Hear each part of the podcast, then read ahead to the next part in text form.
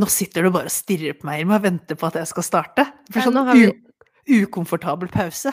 Nei, jeg tenkte nå skulle få mulighet Nei, vet du hva, hos meg så står det ikke at vi er eh, on online uh, enda, så jeg trodde ikke vi var det, men vi er nok det.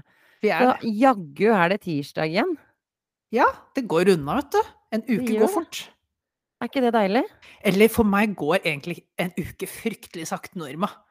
Gjør det det? Ja, jeg har jo Jobben min er mellom to kontorlokaler. Vi har flyttet ut av det ene, skal flytte inn til det andre. Så jeg er tilbake i ordentlig koronamodus, hjemmekontor hele tiden. Og de dagene at man ikke har planlagt noe på ettermiddagen, så jeg må bare komme meg på trening. Hvis ikke så skjer det ingenting i livet. Så jeg er Tiden står litt stille eh, akkurat hos meg nå. Altså, hvor, hvorfor lever vi i en verden hvor tiden står stille hos deg, mens jeg har ikke nok tid? Eh, kunne det ikke vært en sånn balansegang mellom det? Hadde ikke det vært deilig? Jo, det, jeg syns folk burde liksom se oss som en enhet, og så få den enheten til å gå opp. Ja, Eh, det hadde vært det- fint, fordi jeg Det sier jeg sånn nå, men samtidig så innser jeg at hvis vi hadde vært en enhet, og vi sånn sett skulle fordelt våre ressurser, så vet vi jo hvem som er den sterke i dette forholdet. Det hadde ikke blitt 50-50, og det hadde ikke vært til min fordel. Nei, nei, nei, det er, det er godt, godt poeng. Men jeg tenker sånn jeg, Tiden går så fort hos meg at jeg nå hele året har trodd at jeg er ett år eldre enn jeg er. Den går så fort hos meg at uh, jeg ønsker folk god helg på tirsdager. Um, tiden går fort eh, på min kant, da. Det kan jeg jo avsløre. Altså nesten for fort. Eh, og vips, så blir jeg 70 år og kanskje pensjonert. Ja, men uh, la oss på en måte ikke begynne med å skryte på deg høyere alder enn du allerede har. For du har jo i et halvt år nå proklamert at du er 33. Men den, uh, den tid, den sorg, det har ikke skjedd ennå. Nei, det har ikke skjedd ennå. Det kommer. Men det er jaggu en tirsdag, eh, og vi har jo massivt på tapeten. Um, vi skal snakke om de store tingene som opptar landet vårt. uh, som opptar landet vårt denne uken som har vært. Det er faktisk så heavy tema at du før vi startet innspill bare Jonas, vi må huske å holde det litt lystig og ledig også. Det kan ikke bli for tungt. Men jeg og du er gode på tunge temaer, fordi vi, vi, vi kan gå så inni purra på det. Fordi det er så mye man kan si om det. Og så, og så snakker vi oss liksom bort eh, 45 minutter etterpå, så, så står vi i det, ikke sant?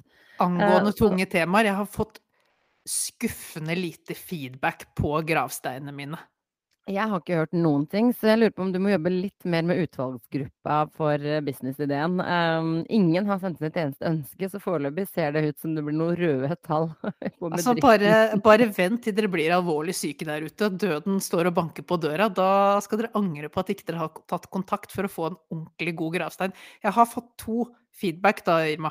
Oi! Eh, Ronny han var ikke så opptatt av gravsteinen, men han lurte på om det var mulig å få Jeg har tidligere snakket om at jeg vil komme ned som en pinjata også, så han lurte på om det var en slags sånn de luxe-pakke som kunne bestilles. Eh, og det Oi. tenker jeg at de, hvis jeg får nok kunder, så kan jeg branche ut til en sånn opplevelsesbegravelse i tillegg. Oi! Oi, oi, oi, så Ronny spiller videre på ideen. Det er fint. Ja, Og det syns jeg du må tilby. Såpass raust må, du- må du tenke, og kreativt, ikke minst. det må jeg. Eh, kreativt også fra Kristin, som var den andre som ga feedback. Eh, hun likte jo denne her eh, Hva pokker er det du ser på? typen, type, men hun la sin egen vri, Oi! som jeg likte òg. La på litt ekstra snert. Yeah. Trekk til deg øynene. Ah, Den er fin! Jeg vurderer å putte den rett inn i jeg hører jo at dette er starten på noe stort. Jeg Dette er det. starten på noe stort. Ja, ja. Det Har er du, eh, har du en boble i halsen? eh, stort sett alltid. Gjør sånn. Er det bedre nå? Ja, å, der oi, oi. Oi, oi, oi. Ja, men um, apropos gravsteiner og død. Jeg har jo atter en gang vært døende denne uka her. Um, Det begynner Ja. å bli et gjennomgangstema. Det er litt sånn altså, Snart så har vi hjørnet Irmas journal, hvor du bare går gjennom eh, legejournalen din fra forrige uke. altså det er nes, nesten som å starte en egen pod med det temaet, for det krever sin plass. Altså, jeg har uke to, men ny skade, ny Apropos jeg vet, jeg bare, Oi, oi, oi, oi, der kommer. Det klødde bare. Um, nei, altså, det, det, altså, jeg har en sånn ut av meg sjæl-opplevelse. Sånn en kropp som aldri er syk, som er veldig, veldig mye rart som skjer. Så denne uken Forrige uke snakket vi om at det var Jeg hadde noe sånn akutt rygg, bryst, et eller annet. Nær døden-opplevelse, som du kalte det. Nær døden-opplevelse, men viste seg å være veldig ufarlig, heldigvis. Denne uken så er jeg inne i en sånn ny nytt kapittel. Eh, jeg har en ikke-fungerende finger. Noe så rart, noe så teit, ikke sant? En pekefinger, venstre hånd, heldigvis. Som plutselig bestemte seg for å liksom låse seg og bare gjøre vondt.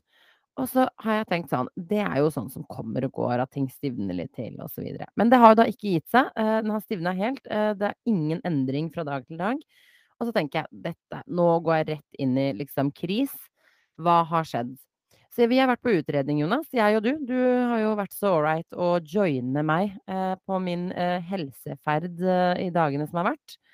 Eh, vil du, vil, du, si noe om opplevelsen i Irmas overlevelses overlevelsesstrategi? Det er din Du er jo en egen skrue også i dette kapitlet her. Du lever jo livet på en unik måte, vil jeg si. Jaha, hva tenker du da? Da tenker jeg at du har problem med en finger. Ja. Hva gjør du da? Du reacher ut til hele Helse-Norge. Altså, vi mhm. snakker alt fra fastlege til kiropraktoren din igjen. Altså, ja. han ordnet ryggen din, så du tenkte denne mannen er et unikum, han kan fikse fingeren også. Ja. Så du, en jeg ringte, også, jeg ringte også alle privatklinikkene som er i Oslo. Eh, så jeg har runda helsevesenet på én dag. Eh, du, du ser på helsevesenet litt som å være på Tusenfryd. Du kjøper deg et dagspass, og så håper du å komme innom alle attraksjonene. Vi andre kjøper liksom billett til én eller to attraksjoner. Du prøver å komme deg med på alle. Du skal ha alle karuseller, alle berg-og-dal-baner. Og så i mhm. tillegg så skal du stappe i deg så eh, mye sukkerspinn at du står og spyr idet vi kommer ut av, eh, ut av dørene på Tusenfryd. Men altså, det er jo ikke en ønskesituasjon å måtte liksom ta kontakt med alle, men det har skjedd noe, Jonas. Vi har jo lest i avisene, ikke sant? Vi har lest avisene at helsevesenet begynner å bli liksom eh, overvelda eh, av alt det trykket, dette koronatrykket som er oppe og står igjen. Eh, og det har jo aldri påvirka meg, inntil jeg plutselig ikke fikk tak i en lege. Verken privat eller disse time på dagen-legene. Eller la oss ikke begynne på kapittelet fastlegen min, det, det, det er en egen podkast. Um, ehm, altså, jeg måtte til slutt liksom kapitulere og være sånn Da får jeg gå til legevakta, som er det eneste stedet jeg vet at jeg, de må ta meg imot. De har ikke noe valg, stakkarene. De har ikke noe valg, så De er søppelkassa som tar imot det resten ikke ønsker. Og ja. akkurat nå var du en resirkulerbar pappbit som måtte ned ja. til eh, Jeg måtte jo det. Så, så, så, dit eh, dro vi, og du var så jækla ålreit med meg og liksom skulle holde med meg selskap. Det syns jeg var veldig fint, fordi det er ikke noe verre enn å måtte stå midt oppi byråkratiet aleine. For det er jo ikke noe tvil om at det er det. Byråkrati. På ingen måte. Og når vi først var der, så tenkte vi såpass langt også, Irma, at vi, vi slo til på rett og slett muligheten på å spille inn en ørliten snutt. Så vi kan jo gi lytterne en liten eh, forsinket live-opplevelse av hvordan det var å stå utenfor eh, legevaktskontoret. Yes, hør her.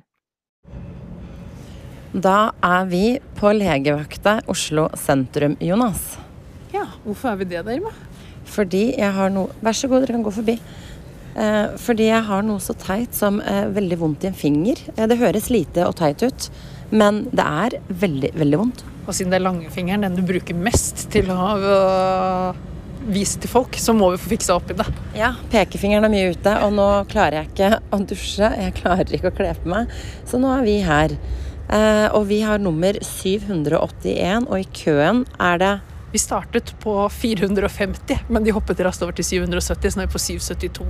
Ja, Så vi blir her en stund, da, og tenkte da på den kjære podkasten vår. Eh, så dette er jo egentlig Vi skal snakke om tillit. Fordi dette er også et tillitssystem. Ja. Du får hjelp. Eh, du får ikke umiddelbar hjelp. Akkurat i dag hadde du kanskje ikke trengt det heller, Irma. Jeg føler det haster. Det haster. Eh, men det er ingen som tror på meg, fordi det bare er en finger. Men de aner ikke livskvaliteten min for øyeblikket. Det, er jo litt sånn fingeren i været fra deres side for å vite hvor, hvor alvorlig dette er. Og jeg må jo si, jeg har ikke tenkt å løfte en finger for å ordne opp i dette.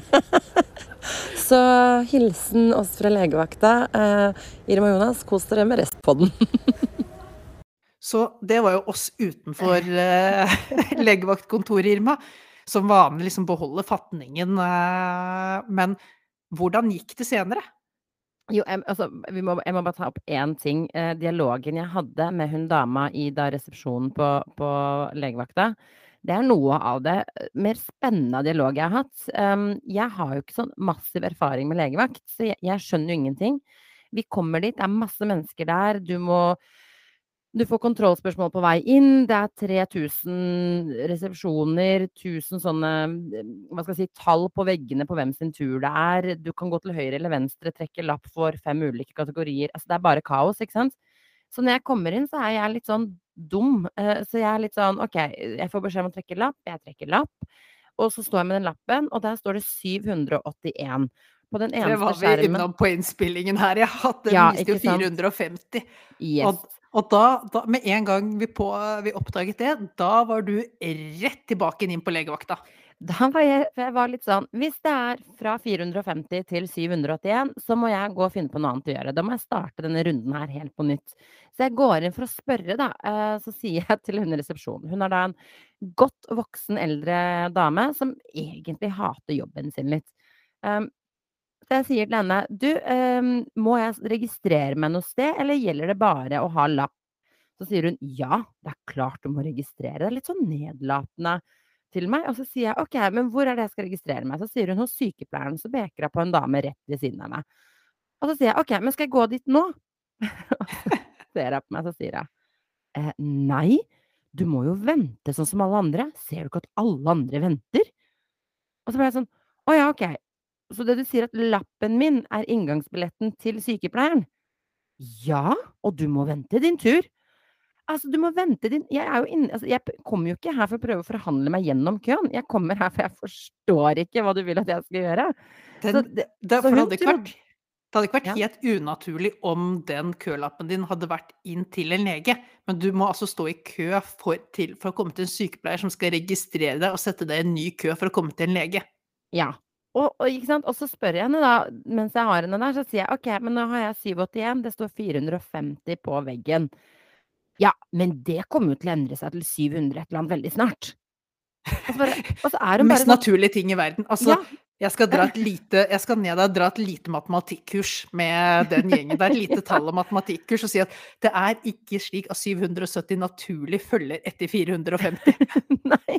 Og så er sånn OK, ok, greit, greit. Easy, easy. Take it down a notch.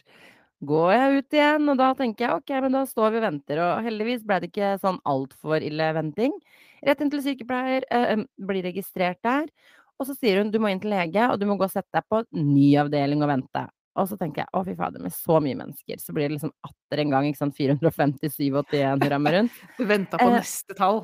Men der ble jeg plukka opp av en kar i hvit frakk som kommer og henter meg, setter meg inn på et rom, og så, si, og så, spør han meg hva som er gærent med meg, og så forklarer jeg at jeg har hatt mye vondt i fingeren, og jeg begynner å bli litt bekymra, at det her er en betennelse eller noe som kan spre seg.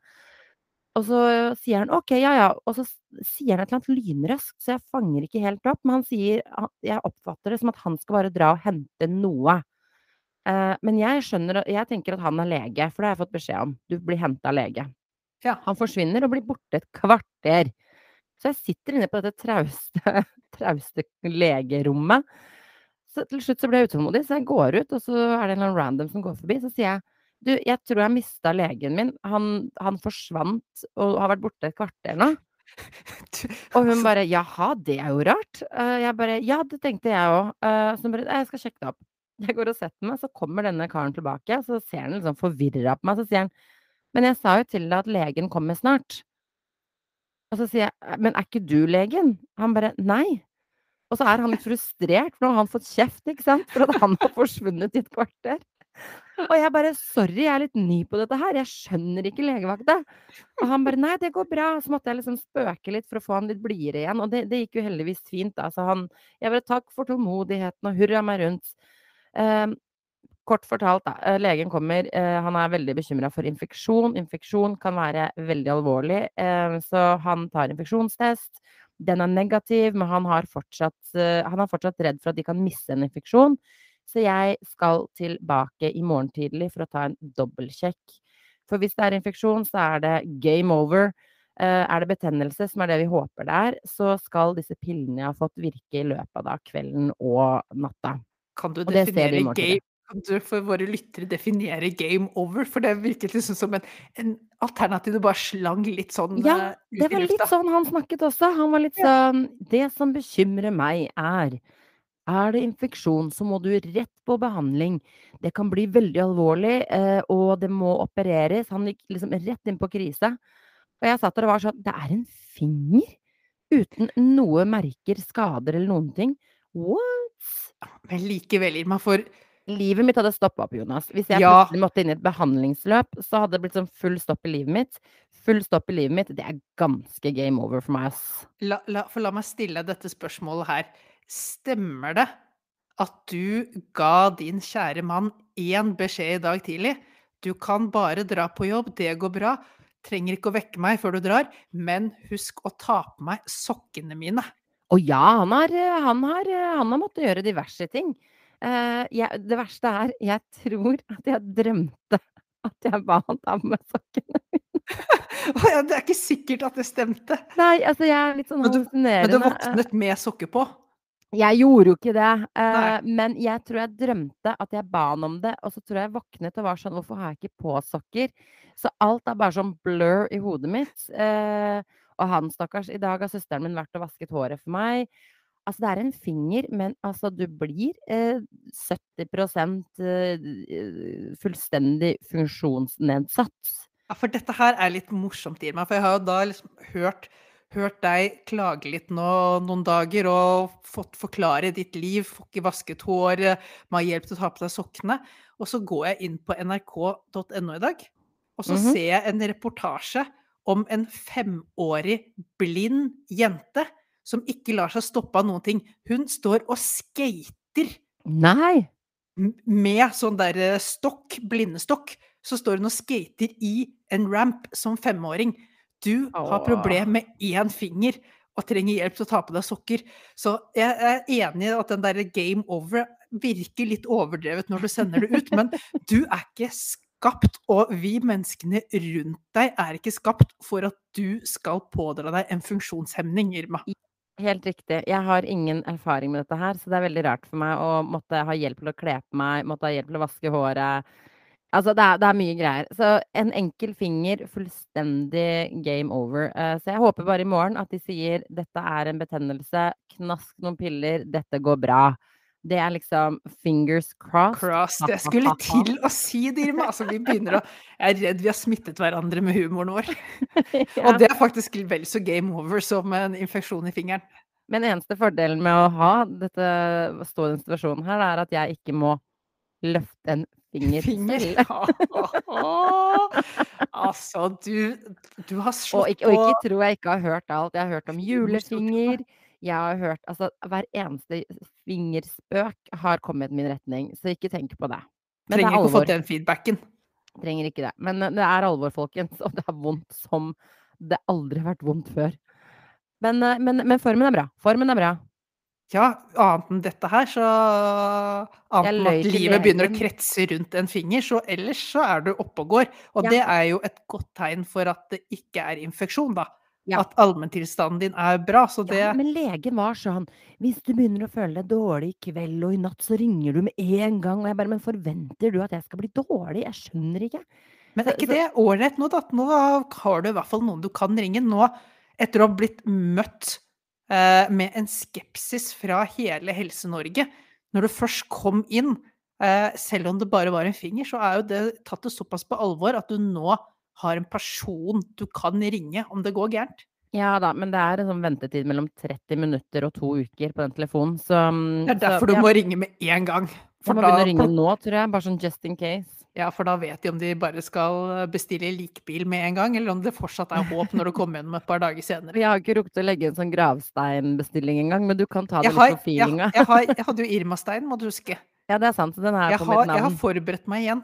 Det er, jeg ligger alltid et steg foran deg.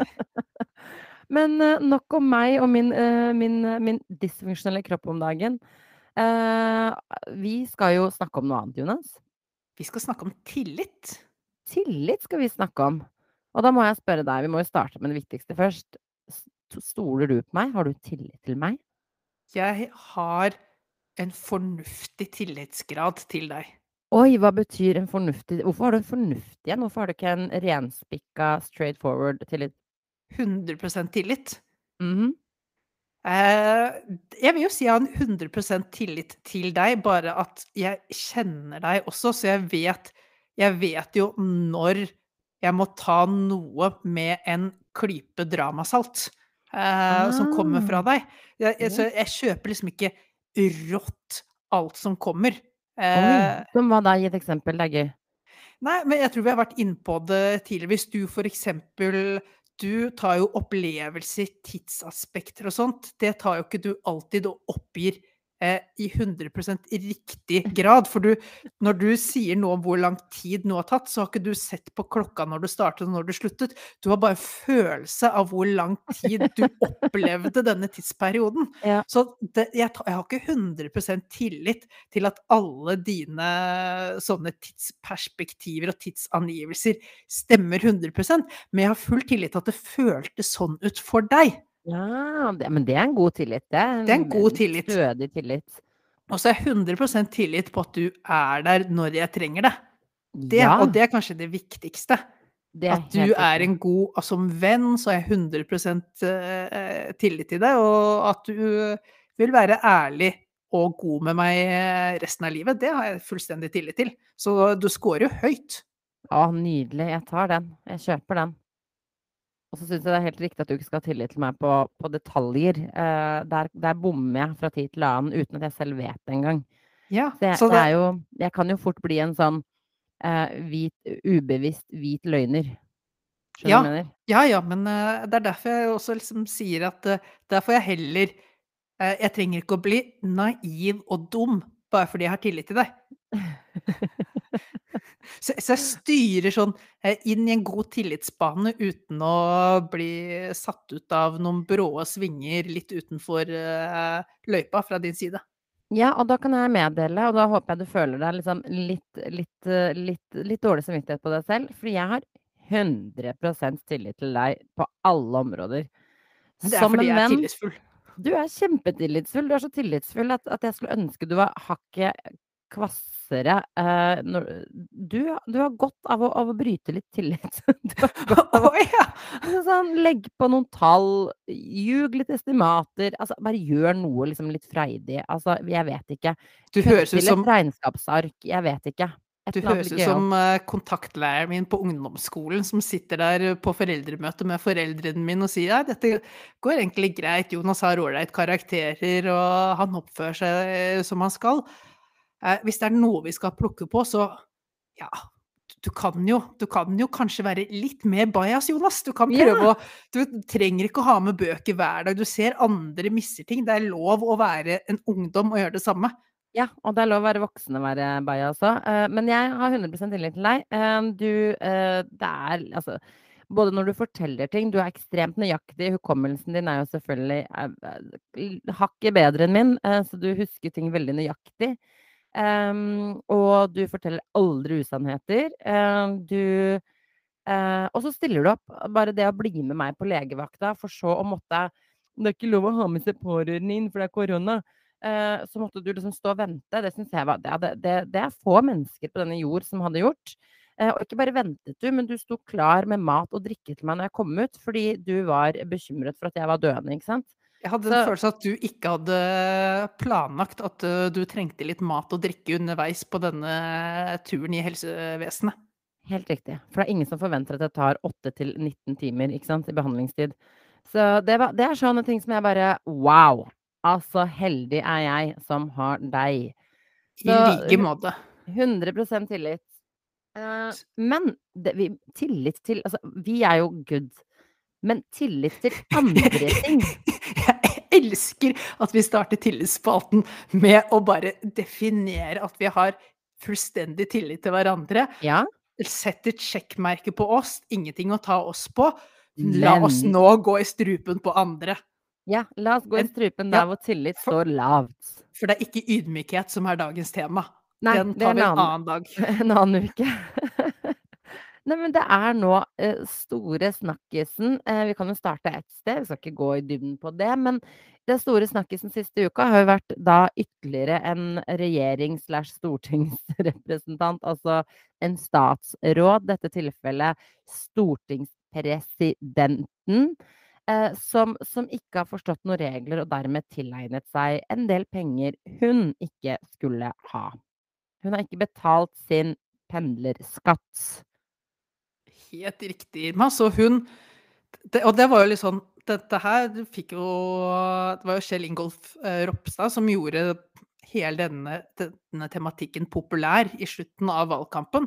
Og Mhm. så har jo den falt ut, men nå bare blusset den opp igjen for fullt. Eh, og det hadde jo litt med også at hun Eva Kristin Hansen, da, stortingsrepresentanten, hun hadde jo sagt når hun ble stortingsrepresentant at dette her å ettergå dette regelverket og få ordnet opp, var noe som sto høyt på priolisten hennes. Eh, og da er det jo litt kjipt å møte på første person som har gjort den feilen, er meg selv. Men det er, det, det er, jeg syns det er litt spenstig.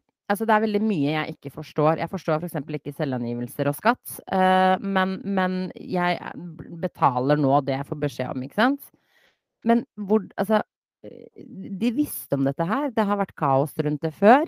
Og jeg leste et, et eller annet sitat fra vår kjære statsminister Jonas Gahr Støre, at de satt og var litt redde når dette her pågikk med Kjell Olaf Roppestad, Du, du blir bedre og bedre. Jeg har som alltid tillit til dine detaljer. Han er ikke så viktig, så jeg orker ikke å huske den. Um, men altså, når dette, når dette pågikk, så satt de liksom stille i båten og var litt redde, sa Jonas Gahr Støre. Fordi man var redd for at noen i eget parti hadde samme problematikk. Er ikke Yes. det litt rart at man ikke vet hva sine hva si, ansatte um, gjør? Eh, og om de har lurt systemet. Jeg er ganske sikker på at min arbeidsgiver vet at jeg ikke har gjort noe underslag i bedriften. Det, det, det er jeg 100 sikker på. Det er ikke sånn at de sitter hver dag og lurer på Oi, når dukker det opp at noen i bedriften har stjålet masse penger? Altså Hvis noen fra en annen avdeling blir tatt for dette her, så er det ikke sånn at sjefen din sitter der og bare å, herregud, la oss håpe at dette her ikke La oss håpe det ikke oppdages at dette har skjedd. det. Ja, ikke sant. Altså, det, la oss være ærlige. Ingen kjøper, kjøper det de selger. Altså, du har ikke forstått regelverket, selv når det ble forklart i mediene, selv når det blussa opp, selv når dere har vært med å utforme det.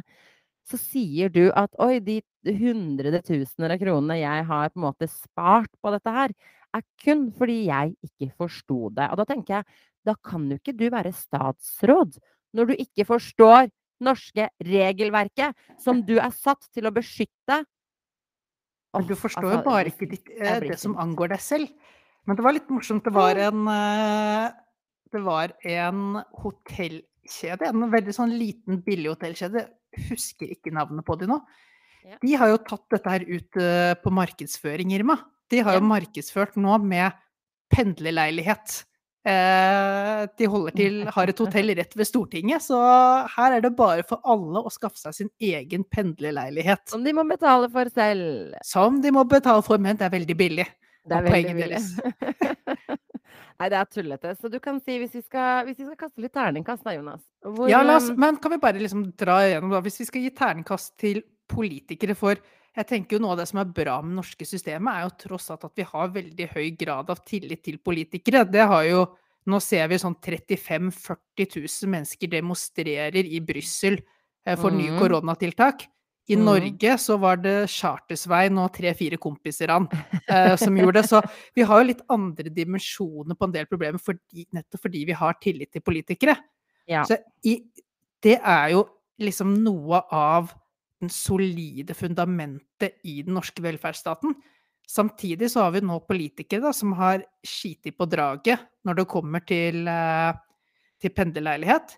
Til Vi har reiseregninger. reiseregninger. Vi hadde en eh, liten stortingsgarasje for noen år siden som ble Vi har metoo. vi har metoo. Vi har en pris av det mindre glamorøse slaget fra klimatoppmøtet nylig. Mhm. Og vi har en ny regjering som sliter egentlig med å bli enig med seg sjøl. Altså, vi har jo en SV som har meldt seg ut av regjering som de egentlig skulle være med i. De setter Mhm. foten ned for budsjettforslaget. Hvor er vi? Hvor er det terningkast på politikerne for øyeblikket, Irma? Jeg må bare legge på til en til sak. Jeg savner Bent Høie på pressekonferanse, eh, koronasituasjonen hans. Det er ikke det Eh, samme uten. Det er ikke det samme uten. Jeg de pressekonferansene nå gir meg ingenting. De er ikke tydelige, det er bare grums og og, mm, glitter og stas. Uh, nye helseministeren gir meg veldig lite. Uh, det virker som nye helseministeren og FHI ikke helt har god dialog. Så det det er ikke det er ikke som Bent Høie og Espen Nakkestad. Det er ikke det er ikke samme greia. Du savner den bromansen der, du? Jeg savner liksom det lederskapet der, fordi nå er korona liksom oppe og står igjen, og vi sitter litt sånn i enorm uvitenhet, og så sier de ikke driv med handshakes mer, sier nye helseministeren. Så blir jeg sånn Altså, verden rundt oss raser pga. korona. Vi vet det kommer til oss på et eller annet vis, på en eller annen måte og form, men ikke driv og handshake hverandre. Det, er så svakt, det er så rart, det er så merkelig, og det er så klønete. Så eh, terningkast fra meg på tillit til politikere. Jeg er jo veldig demokratisk. Jeg har veldig lyst til å stole på politikere, og jeg gjør det i stor grad. Men det har vært så mange riper i lakken på veldig, veldig kort tid. Så fra én til seks så gir jeg dem en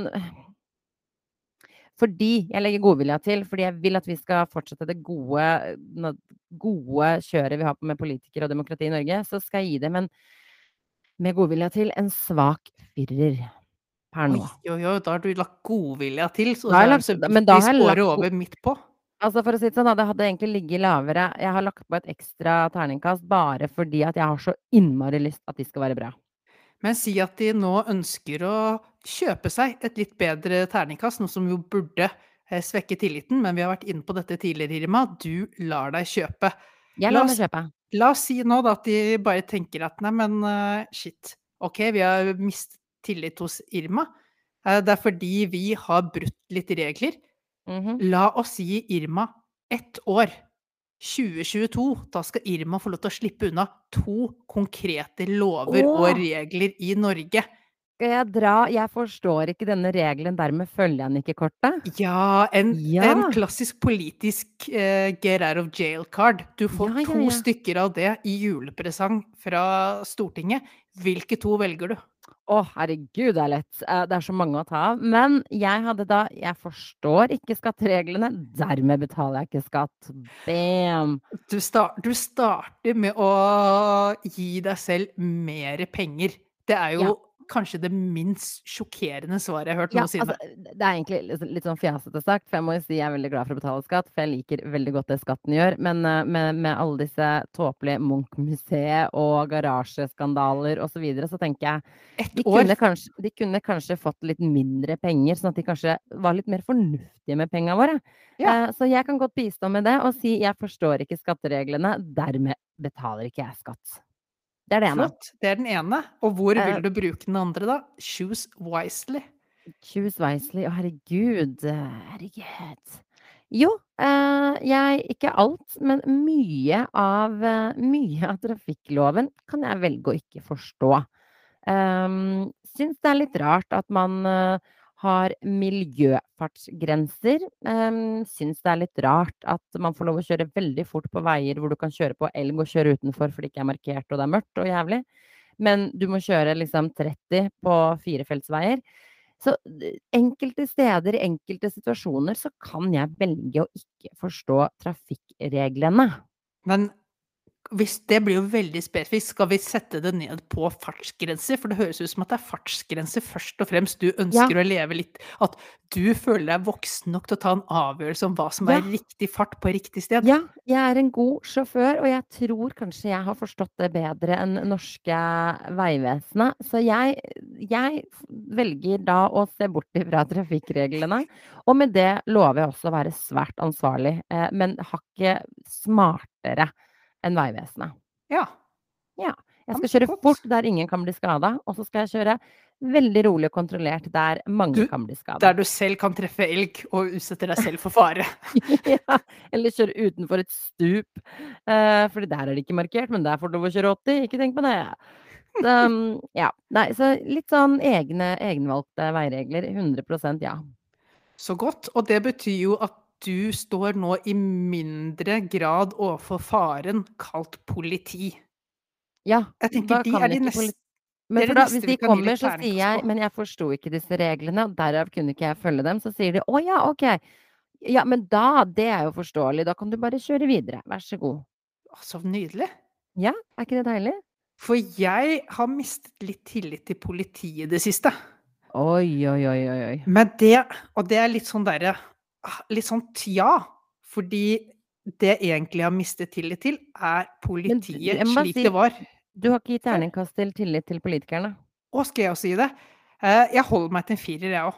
Jeg gir det en ganske straight firer, og det er fordi de dummer seg ut. Men de dummer seg ut på så mye mindre ting enn hva jeg ser rundt om i verden for øvrig. Altså, de Ja. dummer seg ikke først og fremst ut på menneskerettigheter eller ting som gir de million- og milliardinnntekt selv. Så det, det er rett og slett fordi det er satt så dårlig standard rundt om i verden, så holder jeg det til en firer. Vi er bedre enn diktatorene, så ja. Jeg ser den. Ja. Ok, politi. Neste.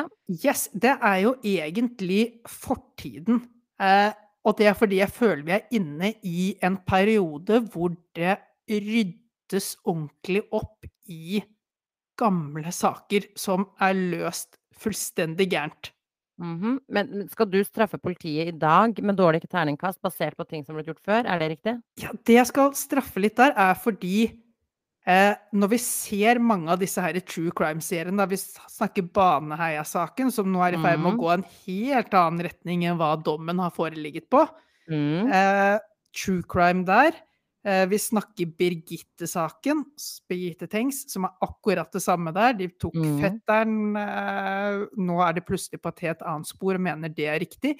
Én ting er, ja, man hadde ikke DNA, man hadde ikke de samme kunnskaper om avhørsteknikker etc. etc. tidligere. Mm.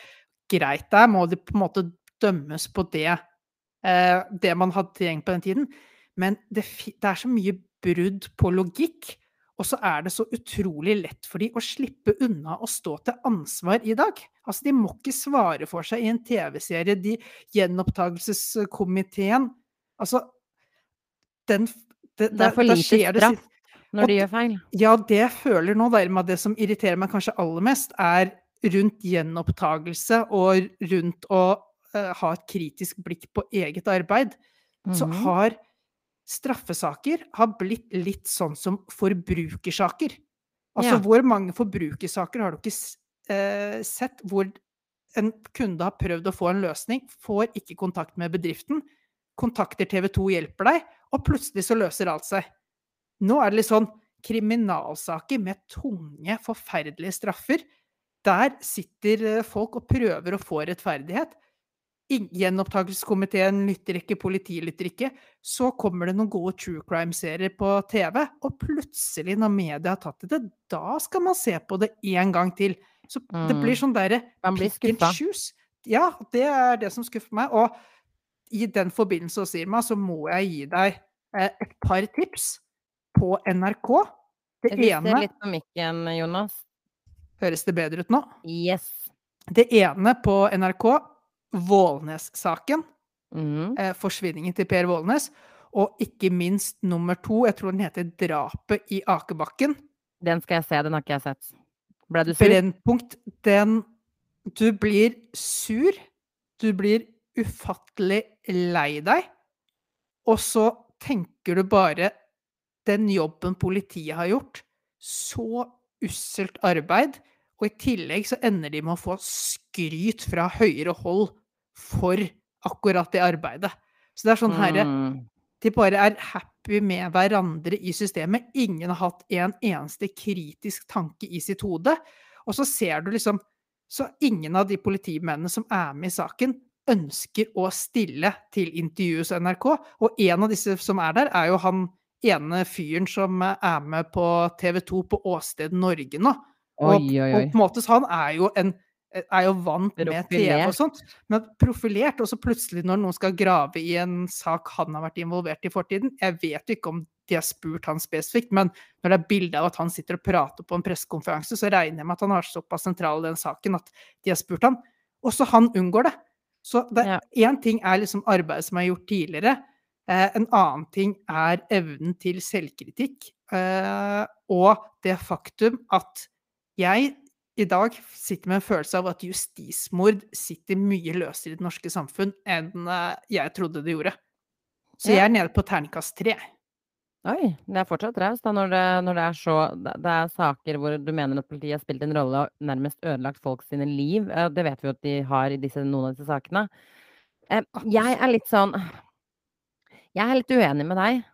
Ja. Jeg mener at uh, Jeg vil ta utgangspunkt i politiet i dag, ehm, og jeg Men men er ikke politiet i dag er ikke de altså Baneheia-sakene etc., er ikke det bare noe vi kan oppdage 20, om 20 år, liksom? At vi bare ikke ser de sakene i dag?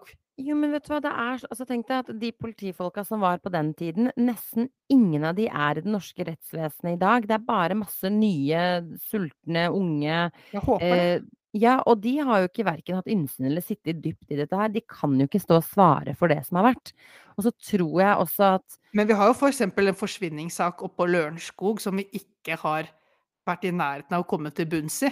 Nei, det er fortsatt det et par sånne mysterier hvor det føles ut som at det kanskje fortsatt kan skje helt spinnville saker i Norge uten at man ender med ender med en løsning.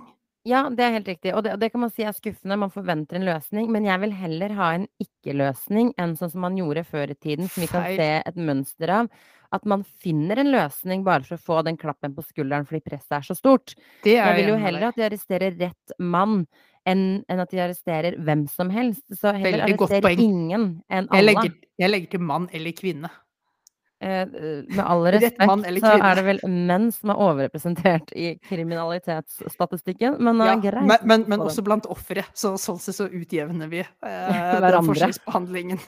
Ja, jeg jeg er litt uenig. Jeg syns ikke vi kan gi terningkast politiet basert på det som har vært, og vi vet jo ikke åssen kultur det har vært ovenifra, hvor stort press og hvor mye man har krevd svar. Og hvis noen krever svar som står over deg i politiet, så må du levere et svar, selv om det er et feil svar. Og som du sier også, de hadde ikke verktøyene. Um, politiet i dag føler jeg oppriktig, uten at jeg har noe sånn dybdeinnsyn i det, men de ønsker å gjøre det riktige. Eh, og på sånn som alle andre yrker, så kan man gå på en smell, en feilvurdering. Og jeg tror veldig mye av det de gjør, får vi aldri innsyn i. Fordi det er det er sant, De kan ikke snakke om alt de driver med. Eh, og med det så du får de aldri forsvart seg mot rykter og avisoppslag og you name it. så du gir dem en god karakter basert på den tro at de løser saker vi aldri får vite om? Nei, med at jeg jeg er i den tro om at de gjør det ytterste de kan med de verktøyene de har, og de kapasitetene de har, så mener jeg og tror at de gjør det så godt de kan. Og jeg tror oppriktig at i Norge så ønsker politiet oss bra. De har ikke den derre det derre guds eh, gudskomplekset som vi ser i USA, hvor det er liksom skyt først, eh, spør etterpå, liksom brife med pistolene rundt omkring. Så jeg Politiet i Norge, selvfølgelig, de går på smelle, så de får ikke full pott, men de får en stødig femmer av meg. Jeg føler meg bruker trygg. du bruker det samme argumentet som jeg gjorde på politikere. Se ut i verden hvor ille det kan være.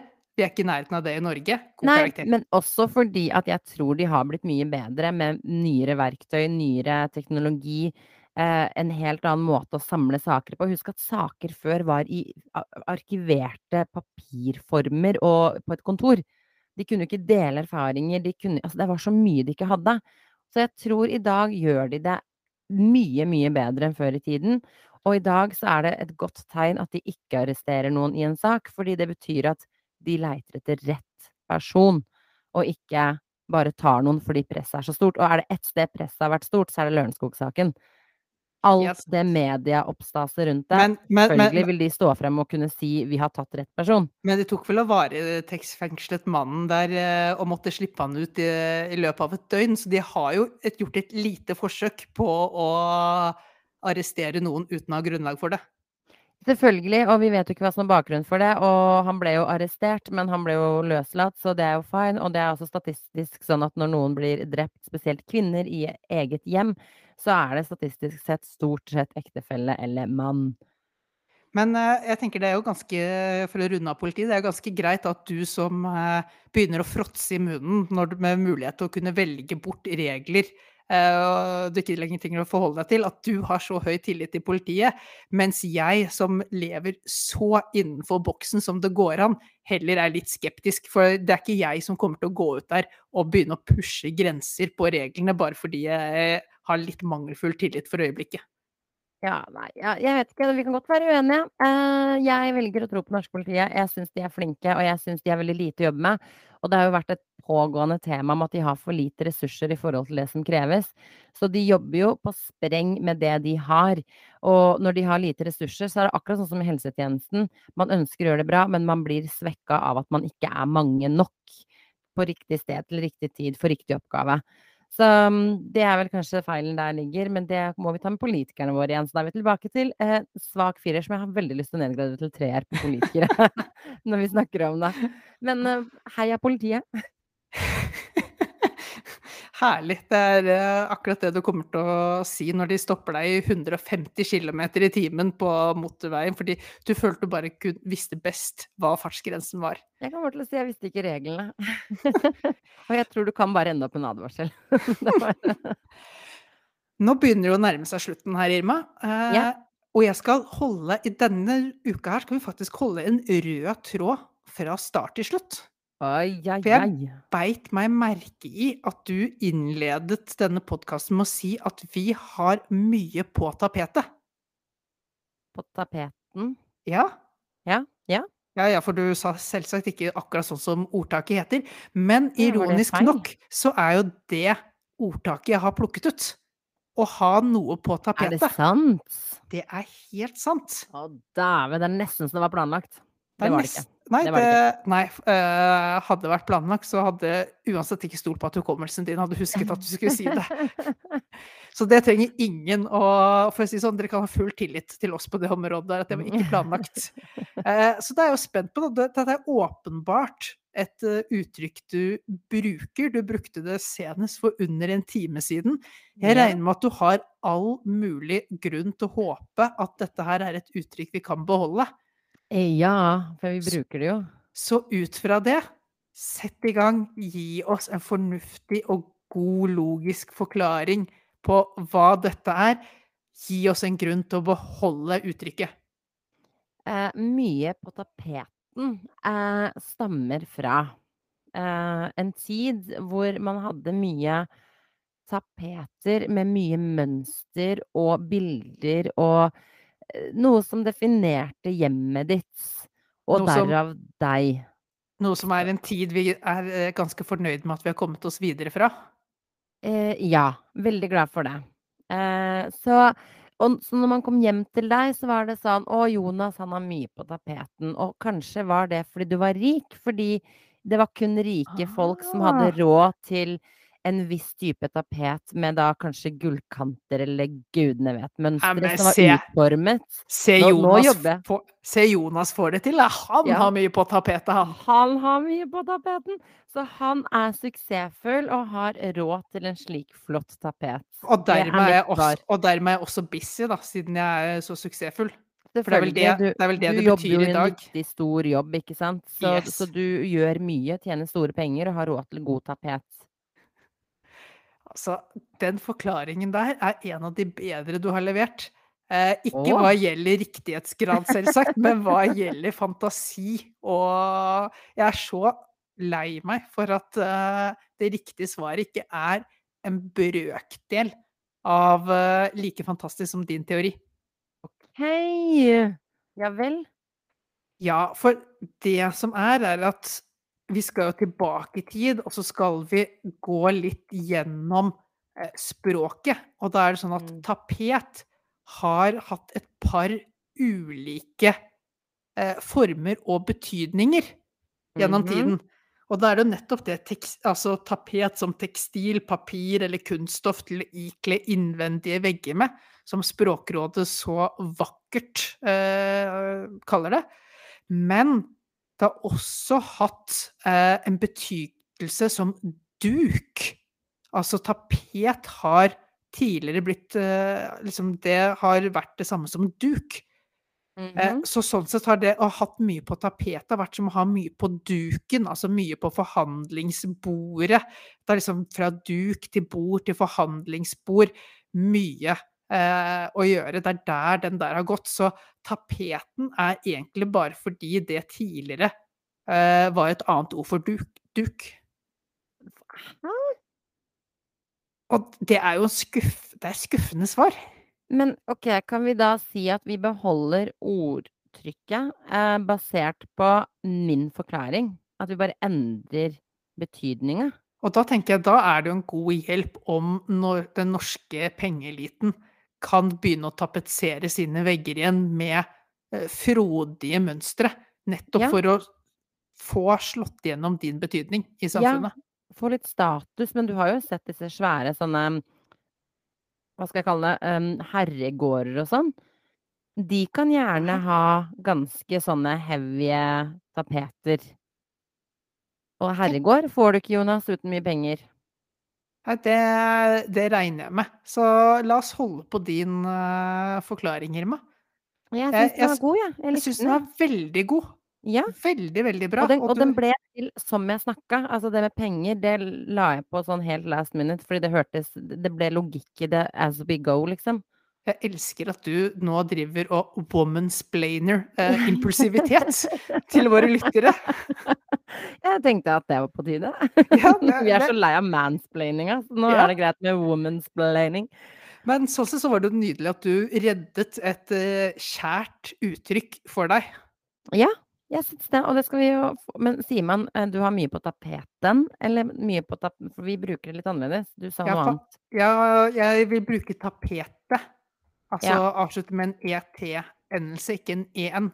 OK. Men så må jeg bare si en ting.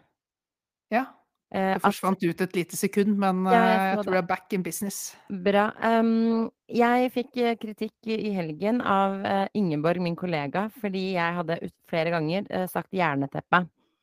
Uh, hun påpekte for meg at dette her vet du bedre, Irma. Jonas har til og med forklart det for deg.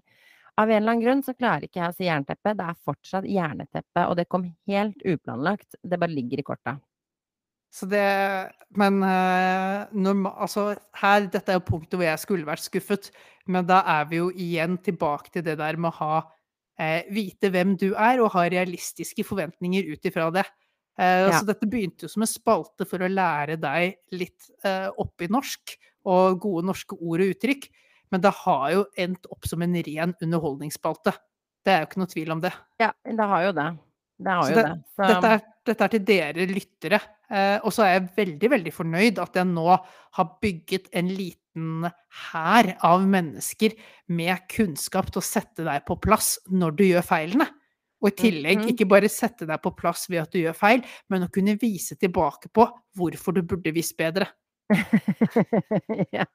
Så det er, det er litt slitsomt at det er faktisk folk som hører på den poden her, og så kan dra det opp gang på gang på gang. Jeg tenker spre ordet videre, jo flere som får vite dette her. Eh, til slutt så sprer det seg inn i politiet, og da blir du stoppet for å ha råkjørt. Eh, og så ender du Jeg kommer til å bli spana jeg nå, fordi jeg har sagt at jeg skal kjøre fort. ja, ja, men du får ikke bot for det, men du får bot fra Det norske språkråd for en eller annen grunn, eh, en eller annen feil bruk av norskspråket i din forklaring til politiet. Ja, vi kan jo være fornøyde med at ikke det, det kastes ut eh, bøter basert eh, fra Språkrådet. Det, kan vi jo, det er jeg lykkelig for, hvert fall, for da hadde jeg fort blitt eh, personlig konkurs, nærmest. Hvis politikerne hadde vedtatt det, da hadde tilliten din sunket i bånn. Da hadde det vært noe annet. Nei, men skal vi runde av den normale delen av denne sendingen, da, Irma, og så legge på en sånn ørliten Formel 1-oppsummering yes. fra helgen nå? Absolutt. Så you know the drill, peoples. Uh, dere hører nå straks uh, en lita farvel og hurra meg rundt, men for Formel 1-folket, vi høres straks. Takk for at dere lyttet også denne uka.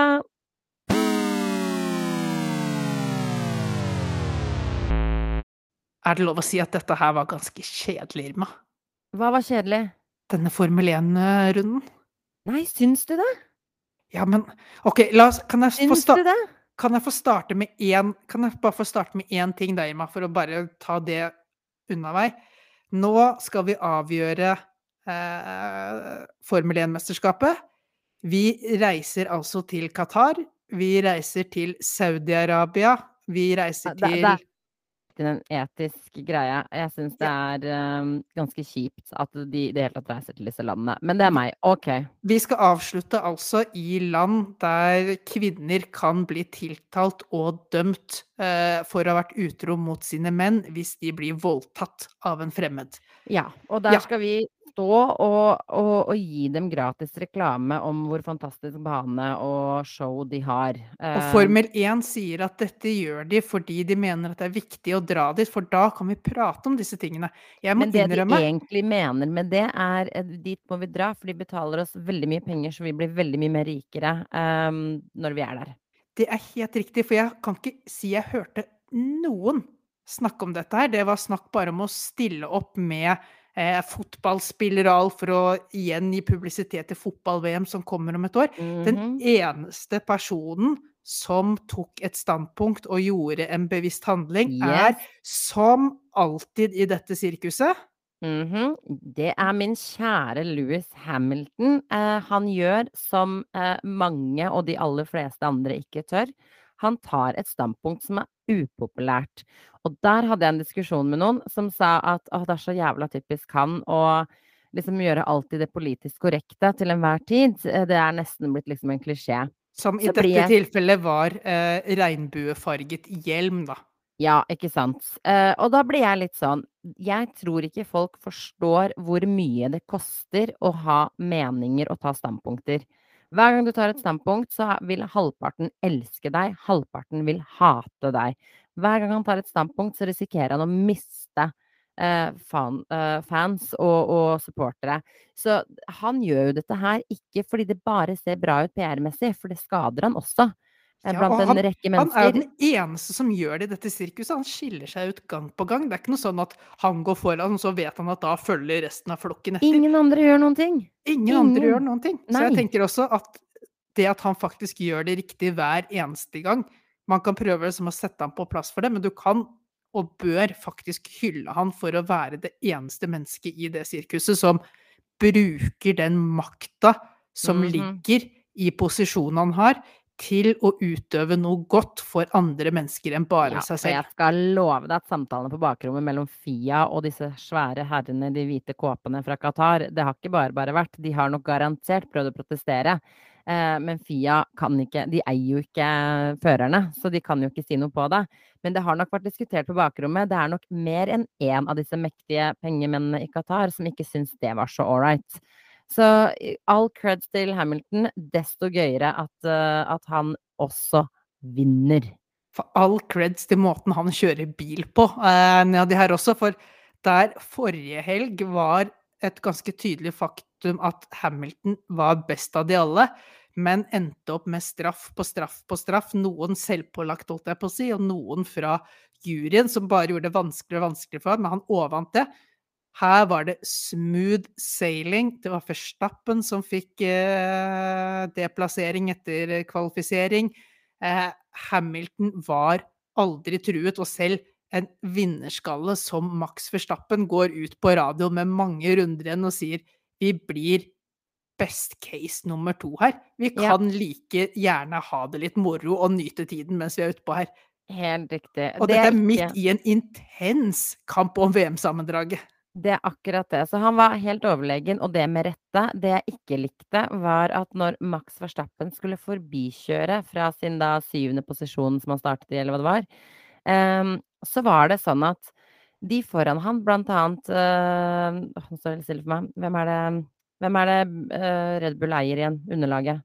Eh, Pierre Gaslyse Alfa Tauri. Ja, Alfa Tauri. Hvor det liksom nærmest er sånn Herregud, selvfølgelig slipper de han forbi, fordi de kan få teamordre om det. Og så blir jeg sånn eh, Jeg er innforstått med at eh, det tar seg ikke bra ut på radio at de får en sånn teamordre, men Pierre Gasly og disse her vil jo at han skal vinne, de er på samme lag egentlig, og han sveiva forbi uten nærmest et forsøk.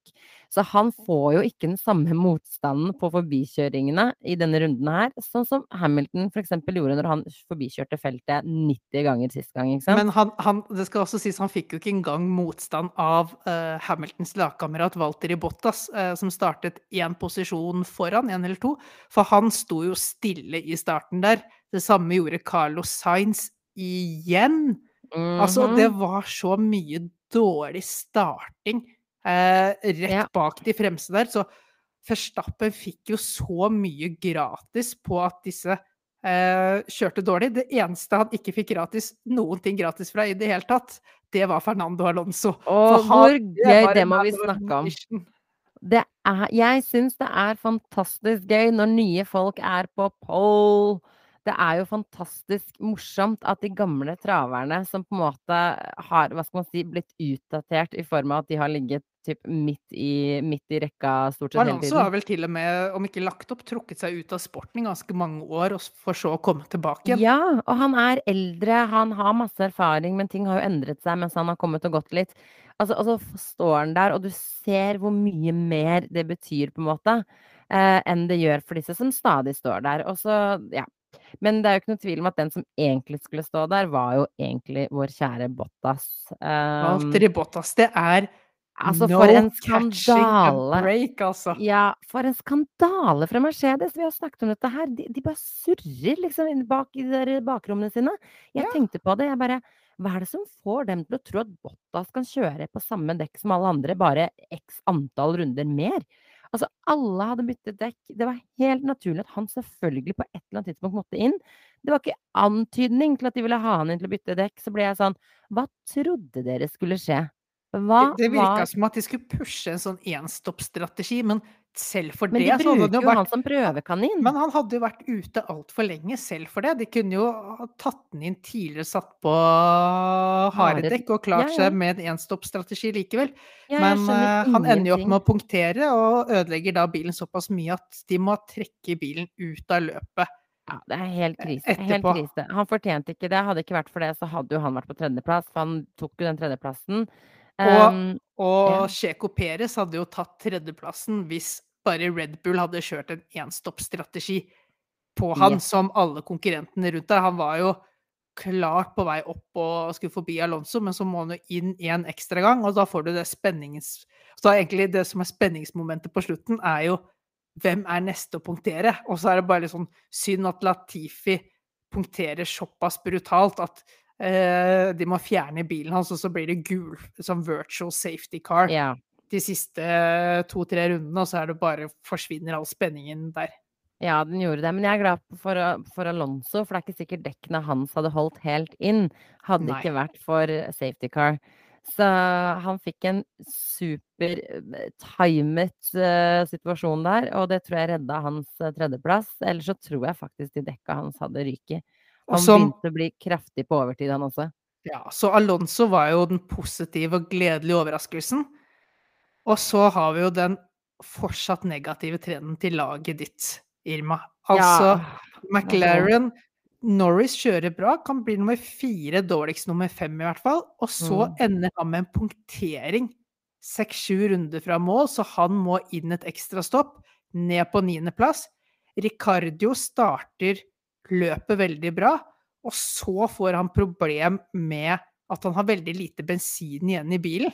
At det er tydelig kanskje en liten lekkasje. Ja, det fikk ikke jeg med meg Ja, det har jeg lest nå i ettertid, at eh, han hadde en liten lekkasje der, så han har måttet kjørt veldig drivstoffbevarende gjennom hele løpet. Ah.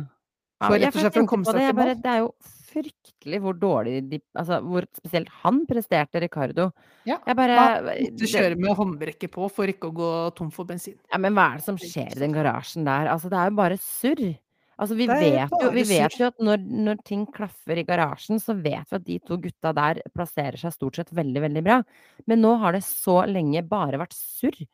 Og Det det liksom... var jo liksom Ferrari prøvde å invitere McLaren inn i kampen om tredjeplassen i konstruktørmesterskapet igjen med å Mhm. kjøre puck udugelig en ræva helg for Ferrari, men likevel så slår de knockout på Ja. McLaren. Det er sånn det Yes. er bare Og Ronny Ronny minte meg jo ganske fort på det, at uh, nå er teamet hans uh, kjære Ferrari uh, foran mitt team McLaren. det er de, men vi kan vel være enige, Ronny, at de kjørte vel ganske skitt sånn jevnt over alle sammen. Bare at mitt, mitt, mitt, team hadde bare alle andre problemer i tillegg. Jeg, jeg, skjønner ikke hva de holder på med. Altså, McLaren må jo ta seg sammen hvis de skal kjempe om noen ting videre. Og når vi er inne på temaet ditt team, så lovte jeg bare Ronny også stille spørsmål om hvordan det går med dette fantasy-laget ditt i Å, årets sesong. Jeg har ikke vært inne og sjekka. Jeg har jo ligget så jækla bakpå så lenge, så jeg har sluttet å gå inn og sjekke. Uh, jeg, jeg, tror jeg ligger veldig dårlig an. Jeg tror ikke jeg vinner noen ting, det kan jeg jo si. Det, det, det høres ut som en uh det, det, er nesten, nesten så du snakker opp din prestasjon gjennom å gi deg selv alt annet enn et kompliment. Ja, ja, ja. Men, men altså, rett det der med ikke forstå reglene. Jeg har heller ikke sånn 100% forstått hvordan disse poengene deles ut i dette fantasy-greiene. Jeg tror det der blir for mye detaljer. Og... Det blir for mye detaljer. Det blir for mye liksom... å holde følge på, ja, og huske å gjøre nå, før hver helg. Ja, ikke sant. Og så kan du liksom bytte sånn og sånn for, for å tjene penger og alle de detaljene der har ikke jeg fått med meg, så jeg vet at det er folk som sitter og nærmest regner seg i hjel eh, når dette her pågår. Eh, og det skal jo vi to selvsagt gjøre i fellesskap før neste sesong, Irma. Da må vi, vi må få opp et lite Excel-ark og, og det Excel-arket må du bare gjøre så enkelt at til og med jeg kan forstå hvor jeg kan hente poeng og penger og hurra meg rundt. Uh, men, uh, men, jeg har ikke forstått det, og når jeg ikke forstår det, så gjør jeg sånn som jeg gjør når jeg ikke forstår regler. Jeg gir litt beng. Så hvis du lurer, lurer, Ronny, så går det ganske skitt med fantasy-laget mitt. Har du noe Men, mer å legge til fra helgen? Eh, nei, egentlig ikke. Jeg, jeg syns det var et spennende løp fordi dette her med dekk ble veldig interessant.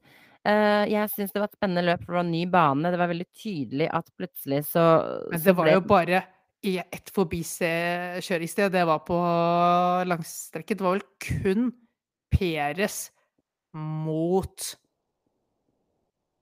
var det mot Fettel, kanskje? I, som kjørte forbi et annet sted på banen enn uh, på langsiden. Så det var jo veldig OK, du må ligge så nære når du kommer ut på langsiden. Da kan du kjøre forbi, og ellers la oss håpe at du klarer å unngå å punktere dekkene dine. Det var de to spenningsmomentene i eh, løpet. Ja, men jeg syns det var spennende, fordi vi lurte jo veldig på liksom hva, Blir det ett eller to stopp? Eh, og det begynte vi allerede men, tidlig. Når det begynte å dra inn folk, så skjønte vi ok, ja. vi skal kjøre to. Hva skal de andre gjøre? Og nedover i feltet var det spennende, men det som var problemet, var at Hamilton var såpass overlegen mot Verstappen at han kunne bare svare Altså, Hamilton ønsket å kjøre lenger på dekkene sine da Verstappen gikk inn, men mm. Mercedes sa rett og slett bare at du, Hamilton, du er så mye bedre Verstappen at nå, nå, venter vi bare på at Verstappen gjør et move, og så kopierer vi det. Og så ja. tar du bare og kjører fram. Enig, så, så, fronten var ikke så spennende, men det var veldig godt at Hamilton var så overlegen, fordi nå er jo altså dette mesterskapet det, det, det, kommer til å komme ned til siste løpet. Altså det bygger seg jo opp en eksplosjon her mellom to Altså de, de er så tett på hverandre. Så Hamilton måtte jo vinne også denne gangen for at det skal være en reell kamp. Hadde han ikke sant. gjort det, så hadde jo Verstappen dratt fra, og det hadde ikke vært noe interessant lenger med dette verdensmesterskapet. Jeg vil ha den spenninga helt ut. Og momentumet har snudd noe så til de grader fra at Verstappen hadde én hånd på pokalen, til at han nå har ja, kanskje en sånn Irma-pekefinger på den pokalen nå. Ikke noe mer enn det. Pekefinger. Ja, så jeg liker at spenninga er der. Jeg liker at uh, jeg håper Hamilton vinner også neste, først og fremst for at de skal være så tett på hverandre. For hvis jeg har telt riktig, Jonas, hvis Hamilton vinner neste også, så er det ett poeng som skiller dem, og det er jo det vi vil. Da er det winner takes it all i siste løp. Yes, da er det winner takes it all, og da kommer jeg til å sitte på kanten av stolen. Uh, men hvis han, hvis Verstappen drar fra neste løp, så, så er det på en måte avgjort. Og det er jo kjipt. Da, da, da, trenger vi at Walter i Bottas våkner opp, og at mekanikeren kanskje faktisk gjør en innsats på bilen hans. Ja, stakkars mekanikeren. For da trenger de han mellom Hamilton og Verstappen. Ja, de må bruke alle klutene til nå fremover. Det er make to break it. Det kommer til å bli dritspennende. Og jeg likte faktisk det løpet her også. Det eneste jeg ikke likte, var å se alle disse sjeikene og, og vite hva som egentlig foregår i det landet. Det irriterte vettet av meg. Så um, det var det eneste negative. Ellers så syns jeg jeg ble underholdt uh, lenge nok av gangen. Så bra. Ja, Men da runder var... vi av uh, denne uka, da, eller? Vi runder av denne uka også. Kom med innspill, tanker. Er det noen spesifikke situasjoner dere tenker at vi skal kommentere eller snakke om underveis, så er det selvfølgelig bare å sende en tekstmelding eller Messenger eller hva enn du er komfortabel med. Um, vi tar gjerne opp spesifikke temaer for deg. Og med det så sier vi riktig fin tirsdag, godtfolk. Vi høres igjen om en uke. Ha det bra.